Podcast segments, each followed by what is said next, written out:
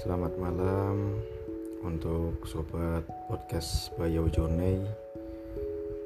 Uh, selamat menaikkan ibadah puasa bagi yang menjalankannya. Nah, pada malam hari ini Bayu Alhamdulillah sudah mencapai hari ketujuh dari tantangan No Challenge. Tidak ada PMO. Nah, di sini Bayu mau menceritakan apa saja yang Bayu rasakan dalam perjuangan menuju hari ketujuh ini. Perjuangan atau hal yang dapat dirasakan itu dimulai dari hari keempat, lima, dan enam, dan puncaknya pada hari ketujuh ini, di mana kita itu masuk ke dalam fase flatline, artinya masih ada kemungkinan untuk bisa relapse.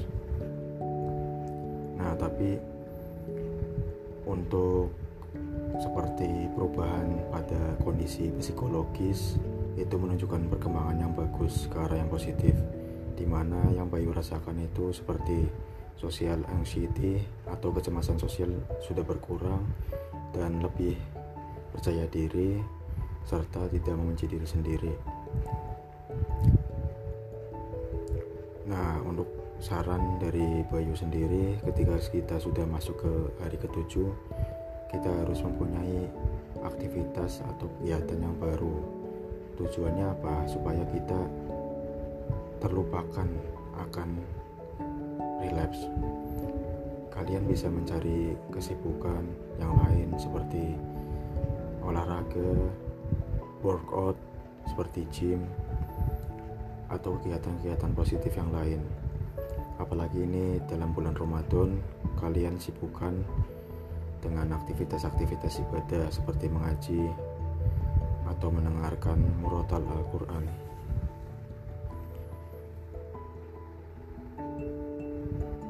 Uh, Bayu ke depannya akan selalu nge-share tahapan-tahapan yang Bayu sudah jalani pada November Challenge yang ke depannya akan Bayu update setiap tujuh hari sekali di mana nanti Bayu akan mengupdate-nya lagi pada hari ke-14 dari sekarang.